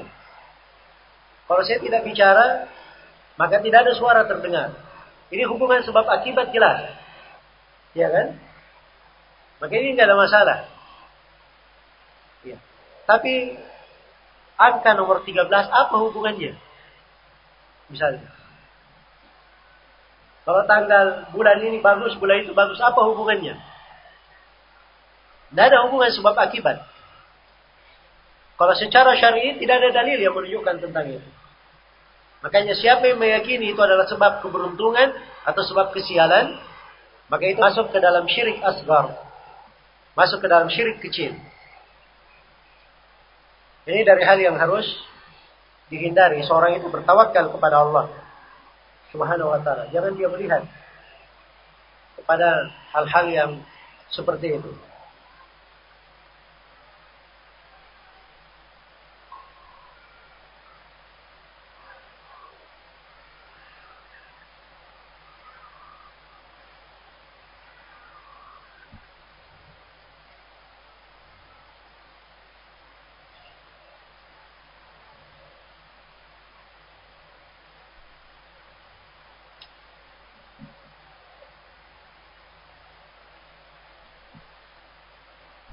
Bagaimana hukumnya dengan seorang pemimpin yang bukan pimpinan sebuah negara?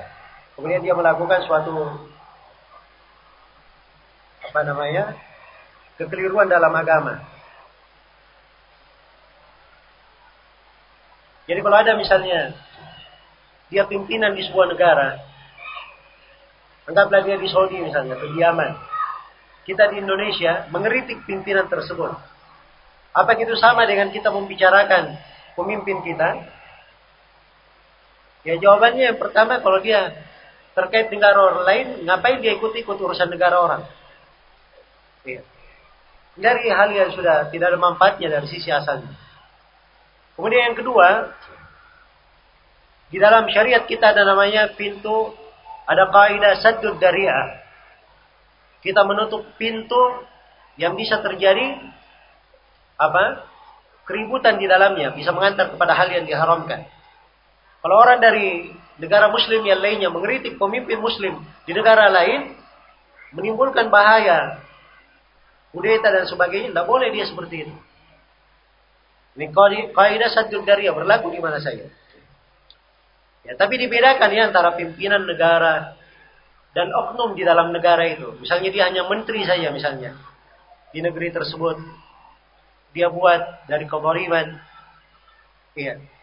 Maka seorang tidak ada masalah menerangkan dari kezalimannya, kelalaiannya, kekeliruannya dengan cara yang bagus, uslub yang bagus. Tidak ada masalah. Iya. Tapi ingat selalu bahwa ahli sunnah itu ketika menjelaskan terkait dengan apa namanya orang yang memiliki wewenang itu selalu dia pelihara bahasa adalah bahasa yang mengandung nasihat. Semoga Allah Subhanahu wa taala memberi taufik kepada semuanya.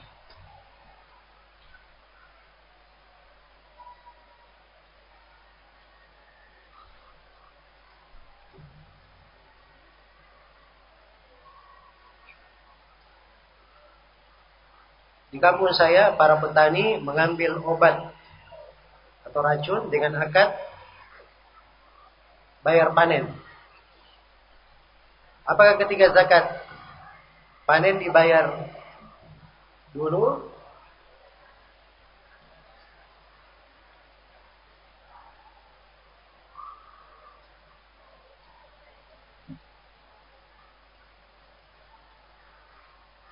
atau setelah dikeluarkan zakatnya.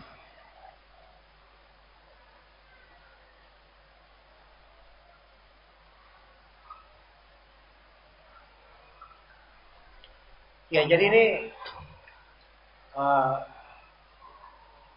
petani dia mengambil obat ya atau mengambil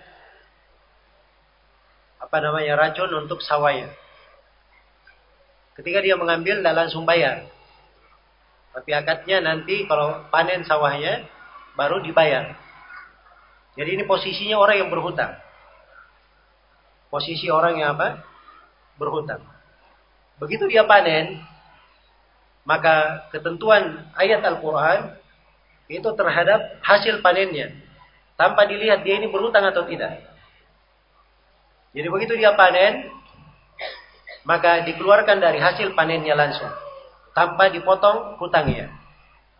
Jadi keluarkan dia misalnya dia sudah panen sekian eh, misalnya 10 hektar, dia panen 10 hektar ini langsung dikeluarkan zakatnya semuanya. Setelah zakat keluar baru dia bayar hutang kalau ada apa namanya dari lebih di padi di hasil panennya tersebut untuk bayar hutangnya. Jelas ya? Tapi harus diketahui bahwa uh, tanaman yang dizakati itu itu harus mencapai lima ausuk. Mencapai lima ausuk. Satu ausuk itu sebanyak 300 so. Dan 300 so itu senilai 2,4 kilo. Jadi 2 kali 2,4 kilo dikali 300 dikali 5. Kalau hasil panennya sampai ke timbangan itu, dikeluarkan zakatnya bisa 5%, bisa 10%. Tergantung sawah itu dapat pengaliran gratis atau dengan biaya. Kalau dia pengaliran gratis, maka dikeluarkan 10%. Biaya, maka dikeluarkan 5% saja. 5% saja.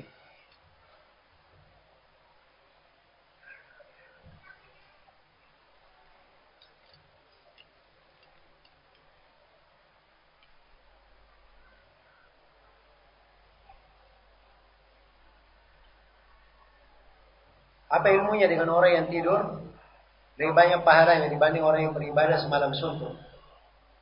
Jadi orang yang beribadah semalam suntuk dari orang yang jahil tertipu dengan amalannya. Iya. Jadi orang yang jahil dia merasa bangga dengan amalannya, itu dia berdiri satu malam suntuk tidak ada nilainya dari sholatnya. Ada pun orang yang tidur, Nabi itu menyebutkan bahwa sholat yang paling afdal solatnya Nabi Daud. Solat malamnya Nabi Daud. Bagaimana solat malamnya Nabi Daud? Beliau tidur seperdua malam, kemudian bangun solat sepertiga malam, kemudian seperenam malam terakhir tidur lagi sampai subuh. Itu dikatakan oleh Nabi solat yang paling afdal. Maka ini dibangun di atas ilmu. Yang kadang dia tidur lebih bagus daripada orang yang berdiri satu malam apa? Satu malam suntuk. Tapi ini ibadahnya orang-orang yang jahil tertipu. Iya. Tapi di sebagian keadaan, kadang seorang perlu sholat malam, satu malam suntuk, banyakkan malam. Ada keadaan-keadaan tertentu.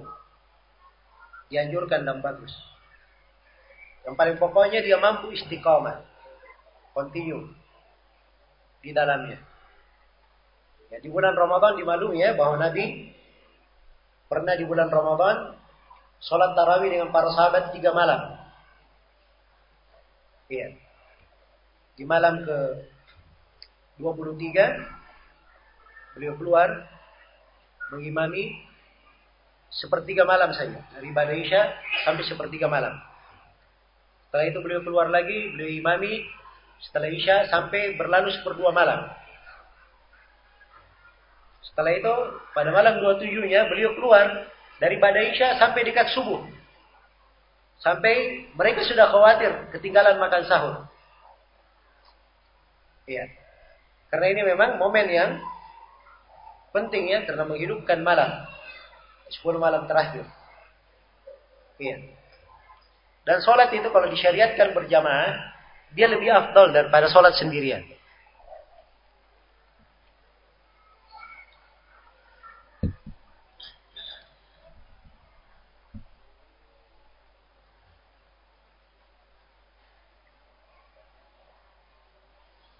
Bagaimana kalau kita dipimpin oleh orang kafir sebagai presiden, gubernur atau bupati? Apakah masih ada ketaatan walaupun merampas hak-hak kita? Ya ini kalau kejadiannya tidak terjadi tidak usah ditanyakan. Ya. Sesuatu kalau tidak terjadi jangan ditanyakan. Ya. Selalu seorang itu memohon afiat. Ya, walaupun ada jawabannya ya, tapi saya tidak suka menjawab pada hal-hal yang tidak terjadi.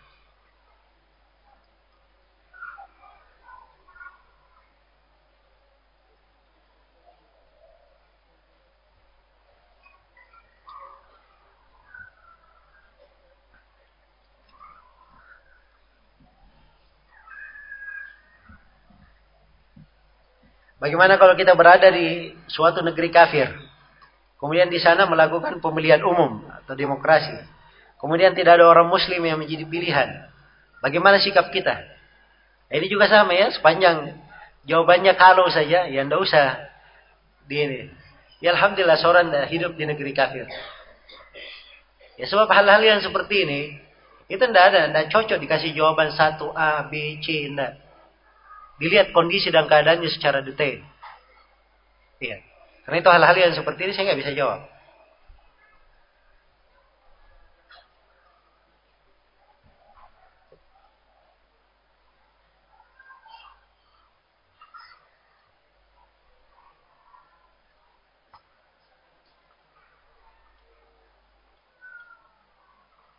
Ada wali atau ayah yang hendak menikahkan anaknya.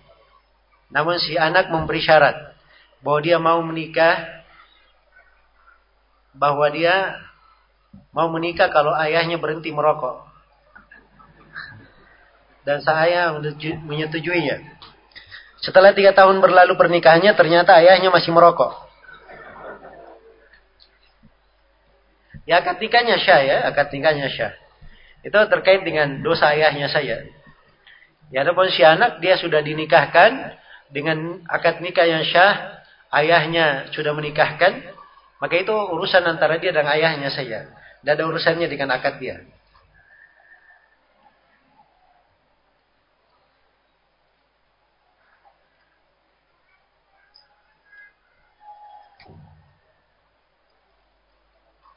Syahkah solat berjamaah ketika diimami oleh seorang imam yang kesehariannya selalu masang gio dan meminum khamar. Hah? Apa? Gio. Oh, berjudi berarti. Jadi imam masjid dia penjudi dan suka minum khamar. Ya ini orang yang fasik ya, karena berbuat dosa. Sepanjang dia menjadi imam dalam keadaan sadar tidak mabuk, ya, sholatnya syah saja. Dan sisi syah syah saja. Apalagi kalau dia imam di masjid, ditunjuk oleh pemerintah misalnya atau itu tadi yang saya katakan tidak boleh meninggalkan sholat berjamaah. Walaupun imamnya tidak beres. Tapi sepanjang sholatnya syah Nabi bersabda sallu fa in asabu falakum walahum wa in aqtau falakum sholatlah kalian. Kalau mereka benar sholatnya pahalanya untuk kalian dan untuk mereka. Kalau mereka salah sholatnya pahalanya untuk kalian dosanya ditanggung mereka Kan mudah kan? Sisa di sini imamnya kita nasihati. Ingatkan bahwa dia ini imam. Ya. Kalau dia masih minum khamar pasang ini tanya aja. Bapak sadar nggak bahwa bapak imam di masjid? Ya. Agar supaya dia tahu bahwa hal-hal yang seperti itu tidak cocok dengan perbuatan dosa yang seperti itu. Maka dinasihati dengan cara yang bagus insyaallah taala itu akan menjadi apa namanya uh, hal yang baik. Semoga Allah beri taufik kepada semuanya.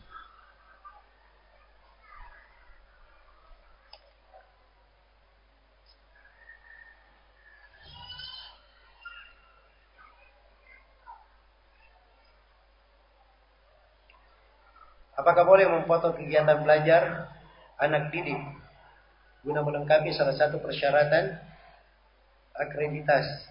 Karena mengingat sekolah kami terdaftar kepada pemerintah. Mohon nasihatnya. Tidak ada masalah ya kalau ada keperluan dalam hal yang merupakan kemaslahatan terselenggaranya proses ajar mengajar seperti itu, itu tidak dipermasalahkan. Sebagaimana kalau kita bikin KTP, ada foto atau tidak di situ? Hah? Ada kan? Itu memang adalah keperluan, diperlukan. Iya. Memang asalnya foto itu diharamkan. Diharamkan. Karena Rasulullah SAW bersabda, "Kullu musawwirin finnar." Semua orang yang memoto itu dalam neraka. Iya. Dan banyak hadis yang menjelaskan tentang ini. Tapi kalau dia adalah suatu keperluan yang ada hajat di situ, perkara yang memberatkan kalau ditinggalkan, maka tidak ada masalah. Dilakukan hal ini. Sebab pengharaman gambar itu itu pengharaman digairi. Jadi diharamkan karena alasan lain bisa mengantar kepada hal yang diharamkan yang lainnya. Hal-hal yang seperti ini dibolehkan kalau ada keperluan yang mendesak. Misalnya melihat kepada perempuan yang bukan mahram. Boleh atau tidak? Hah? Itu hukumnya haram. Kenapa? Karena bisa mengantar kepada zina. Jadi dia diharamkan. Tapi melihat kepada perempuan yang bukan mahram itu boleh. Kapan? Kalau mau dilamar boleh dilihat. Kalau dia mau lamar boleh dia lihat. Karena Nabi berkata, memberikan tuntunan, undur ilaiha. Lihatlah kepada perempuan yang mau kamu lamar. Dibolehkan. Ya, jadi demikian pula di dalam masalah gambar seperti ini. Ya, wallahu taala.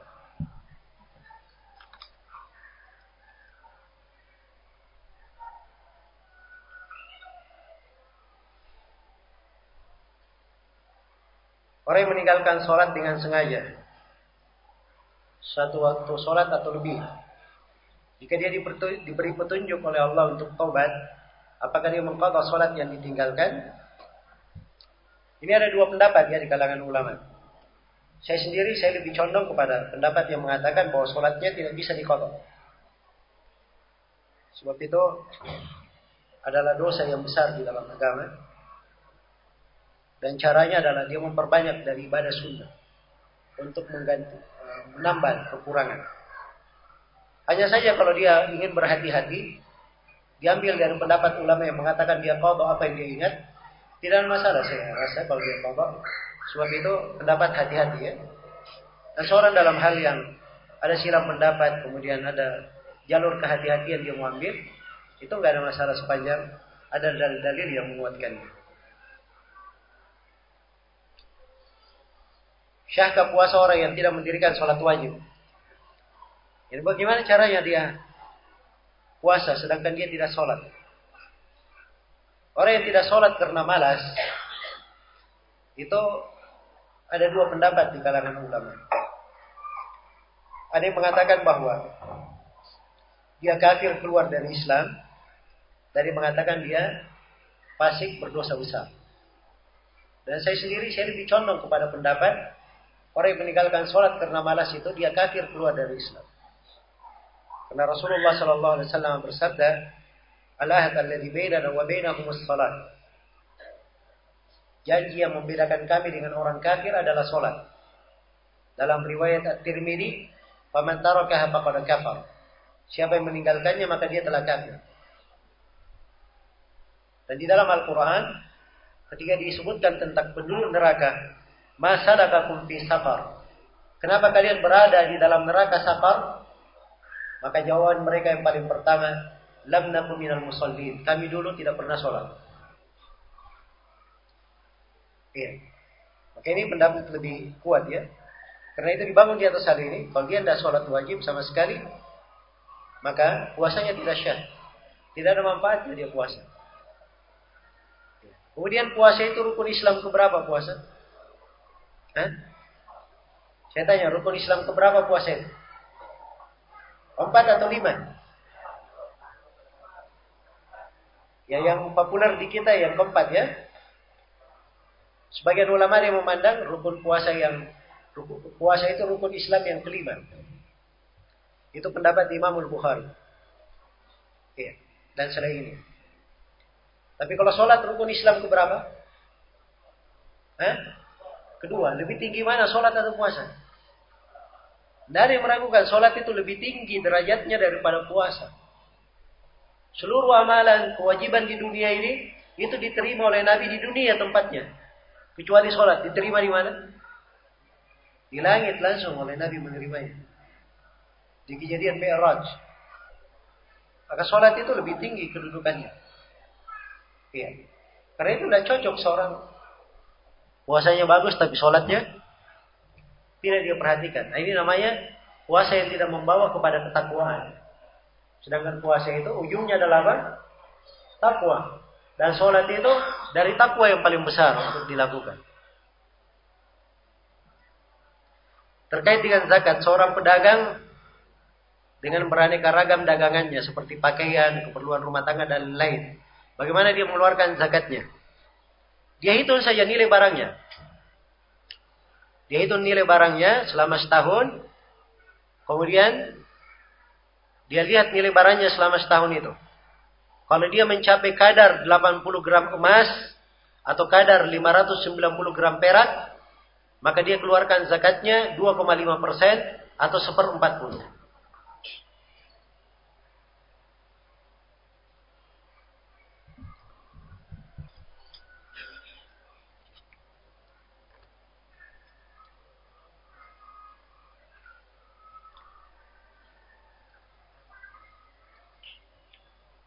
Kebanyakan orang-orang demo pemerintah di masa ini dilakukan di jalan-jalan. Pertanyaannya bagaimana kalau demonya itu dilakukan di lapangan terbuka? Tidak membakar ban, dia mengganggu orang banyak. Apakah demo seperti ini dibolehkan? Demo itu dari asalnya tidak dibolehkan. Ya mau demonya santai, tidak mengganggu, mengganggu, di jalan, tidak di jalan. Namanya demo itu bukan bagian dari syariat Islam. Iya. Kalau dia punya pendapat, bukan kerjanya berada dia orasi di jalan atau di lapangan. Dia datangi orang yang mau dinasihati. Nasihatkan begitu. Masa menasihati orang di jalan? Pemerintah lagi yang mau dinasihati. Dan cocok seperti itu. Dan dia juga sudah menyelisih hadis Nabi Shallallahu Alaihi Wasallam. Iya. Ini jangan sampai dibilang hadis palsu lagi ya. Rasulullah Shallallahu Alaihi Wasallam bersabda, Man kana indahu nasihatul lidhi sultan fala yubdiha alaniyah wal ya'khudh bi yadihi wal yansahu sirran fa in qabila minhu fadak wa illa Siapa yang mempunyai nasihat kepada pemerintah hendaknya dia nasihati secara rahasia. Jangan dia sampaikan terang-terangan. Diambil tangan pemerintah itu. Dia nasihati secara rahasia. Kalau diterima oleh pemerintah, Ya itulah yang diinginkan, Alhamdulillah. Kalau tidak diterima, maka sudah. Dia sudah tunaikan apa? Kewajibannya. Dia tunaikan kewajibannya. Ini hadis Nabi sudah diucapkan 14 abad yang lalu. Iya. Bagaimana cara menasihati pemerintah? Dan ini yang dijalani oleh para sahabat. Radiyallahu anhum. Kalau mereka ingin menasihati pemimpin, datang mereka. Antara mereka berdua. Nah itu baru orang yang menasihati namanya. Masa menasihati di mimbar? Si pulan ini memang harus begini, begini, begini. Dia sudah celah di depan orang. Terus dia bilang, oh saya sudah nasihati pulan. Di mana kamu nasihati? Di atas mimbar. Ya. Nah, itu tidak masuk akal nasihati seperti itu. Baik. Ini juga pertanyaan sisa beberapa kayaknya sudah hampir habis ya. Waktu sholat asar sudah masuk. Dan ini mungkin akhir dari pertemuan kita di kajian hari ini. Dan saya berharap apa yang kita dengarkan pada kesempatan kali ini ada manfaatnya untuk seluruh hadirin. Dan mudah-mudahan apa yang kita dengarkan dan kita kaji pada kesempatan ini bisa menjadi pencerahan-pencerahan untuk kita semua dalam membangun kehidupan kita kepada hal yang lebih baik, menuju kepada jalan kebahagiaan, dengannya kita meraih dari keamanan dan kesejahteraan. Dan semoga Allah Subhanahu wa taala yang mengumpulkan kita di masjid yang mulia ini dalam suasana ketaatan. Semoga kita semua dikumpulkan kelak di kemudian hari di sorganya yang penuh dengan keindahan dan kebaikan. Dan semoga Allah selalu mengampuni dosa dan kesalahan, menguatkan kita semua di atas keislaman dan sunnah Rasulullah SAW di kehidupan di dunia ini, di alam kubur, dan tatkala kita semua berdiri di depannya kelak di kemudian hari. Innahu waliyyu dzalika wal qadiru alaih. Saya berterima kasih atas segala perhatian dan kesempatannya dan saya mohon maaf atas segala macam kekurangan. Subhanakallahumma wa bihamdik asyhadu an la ilaha illa anta astaghfiruka wa atubu ilaik walhamdulillahi rabbil alamin. Wassalamualaikum warahmatullahi wabarakatuh.